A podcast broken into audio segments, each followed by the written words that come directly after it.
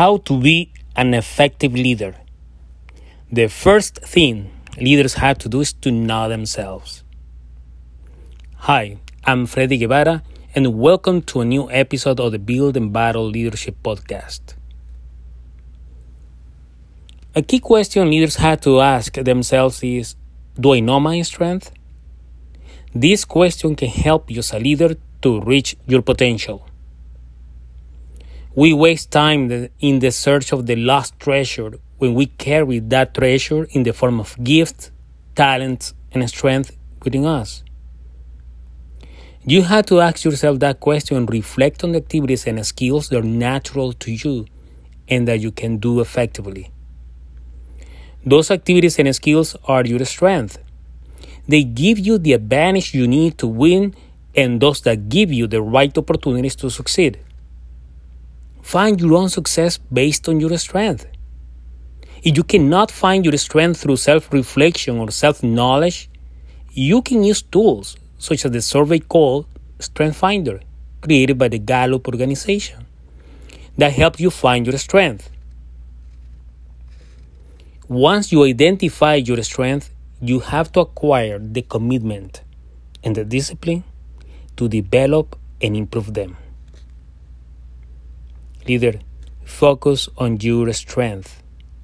The more focused you are on them, the more opportunities you will have. Working on your strength will lead you to reach unlimited potential and the success you want to achieve. Effective leaders know themselves, know their strength, develop them, improve them, and give the best to their followers and the organization they lead. If you want to be an effective leader, there is no doubt that the first condition is to know yourself. You cannot lead successfully any team, any organization, if you don't know who you are, if you don't know what you are capable of. If you don't know who you are, what you can do, what your strengths are, you cannot build a team. You cannot build an organization. Because the first condition, even the first requirement to build a team, is to know yourself, is to know your strength, your weaknesses.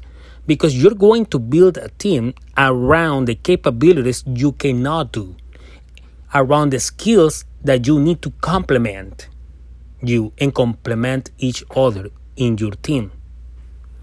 That's how you build an effective and successful team. So the first condition you want to ask, and if you ask how can be an effective leader, you can be an effective leader.